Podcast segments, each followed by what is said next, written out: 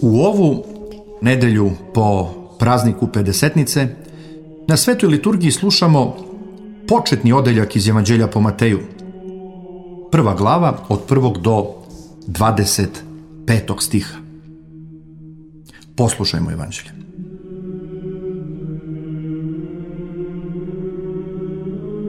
Rodoslov Isusa Hrista, sina Davidova, Avramova sina. Avram rodi Isaka, a Isak rodi Jakova, a Jakov rodi Judu i braću njegovu, a Juda rodi Faresa i Zaru s Tamarom, a Fares rodi Esroma, a Esrom rodi Arama, a Aram rodi Aminadava, a Aminadav rodi Naasona, a Naason rodi Salmona, a Salmon rodi Voza sa Rahavom, a Voz rodi Ovida s Rutom, a Ovid rodi Jeseja, a Jesej rodi Davida cara, a David car rodi Solomona sa Urinicom, a Solomon rodi Rovoama. A Rovoam rodi Aviju, a Avija rodi Asu. A Asa rodi Josafata, a Josafat rodi Jorama, a Joram rodi Oziju, a Ozija rodi Joatama, a Joatam rodi Ahaza, a Ahaz rodi Jezekiju, a Jezekija rodi Manasiju, a Manasija rodi Amona, a Amon rodi Josiju, a Josija rodi Jehoniju i braću njegovu u seobi Vavilonskoj, a po seobi Vavilonskoj Jehonija rodi Salatila, a Salatil rodi Zorovavelja. A Zorovavelj rodi Avijuda, a Avijud rodi Elijakima, a Elijakim rodi Azora, a Azor rodi Sadoka, a Sadok rodi Ahima, a Ahim rodi Eliuda, a Eliud rodi Eleazara, a Eleazar rodi Matana, Matan rodi Jakova, a Jakov rodi Josifa, muža Marije, od koje se rodi Isus, zvani Hristos. Svega dakle, koljena od Avrama do Davida koljena 14, a od Davida do Seobe Vavilonske koljena 14 i od Seobe Vavilonske do Hrista koljena 14.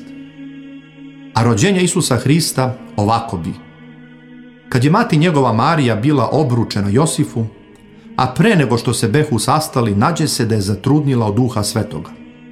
A Josif, muž njezin, budući pravedan i ne hoteći je javno izobličiti, namisli je tajno otpustiti. No kad on tako pomisli, gle, javi mu se u snu anđeo gospodnji govoreći, Josife, sine Davidov, ne boj se uzeti Mariju, ženu svoju, jer ono što su u njoj začelo od duha je svetoga. Pa će roditi sina i nadeni mu ime Isus, jer će on spasti narod svoj od greha njihovih. A sve se ovo dogodilo da se ispuni što je gospod kazao preko proroka koji govori. Eto, devojka će začeti i rodit će sina i nadenut će mu ime Emanuil, što će reći s nama Bog.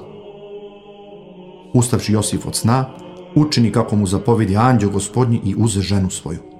I ne znadijaše za nju dok ne rodi sina svojega prvenca i nadenu mu ime Isus.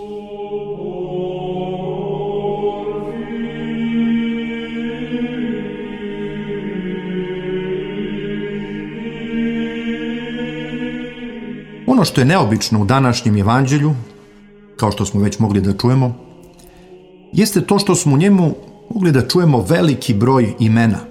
Avram rodi Isaka, Isak rodi Jakova i tako dalje. Naravno, reč je o rodoslovu gospoda Isusa Hrista. Ono što je posebno interesantno, to je da je u Evanđelju po Luki zapisan još jedan rodoslov, drugačiji rodoslov gospoda Isusa Hrista – koji vodi zapravo od samog gospoda Isusa Hrista pa sve nazad do praoca Adama. To je zbog toga što je evanđelje po Luki bilo namenjeno hrišćanima iz nezaboštva. Te cilj evanđeliste Luke u iznošenju Hristovog rodoslova bio da pokaže da je Hristos došao radi spasenja celokupnog ljudskog roda. Otuda Hristov rodoslov i vodi do praoca Adama. Sa druge strane, ovaj rodoslov koji smo danas čuli u Evanđelju po Mateju, vodi od praoca Avrama, praoca izabranog jevrejskog naroda. I to je tako zbog toga što je Evanđelje po Mateju bilo namenjeno hrišćanima u Antiohiji Sirijskoj i u Jerusalimu, u Palestini.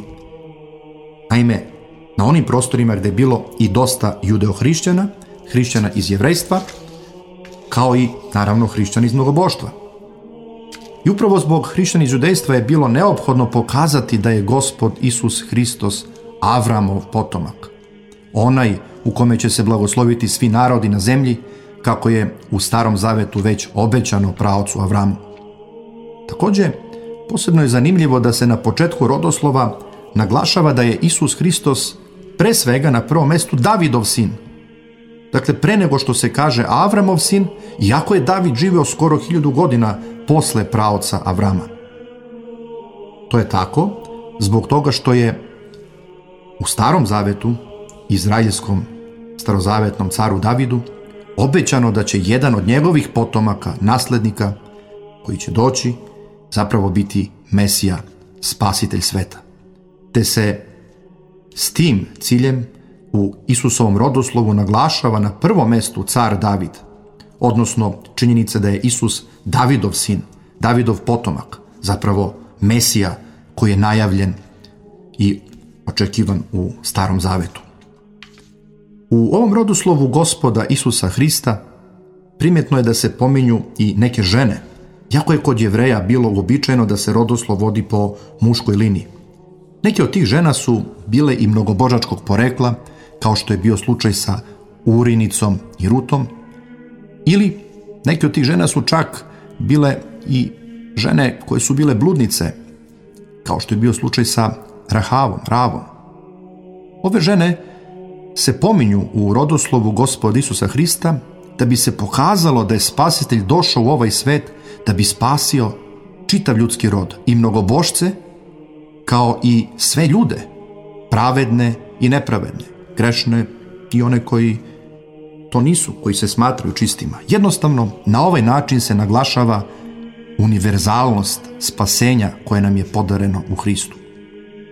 U drugom delu današnjeg evanđelskog čitanja ističe se kao glavna misao da je presveta Bogorodica začela od duha svetoga, a ne od svog zaručnika, kasnije muža Josifa.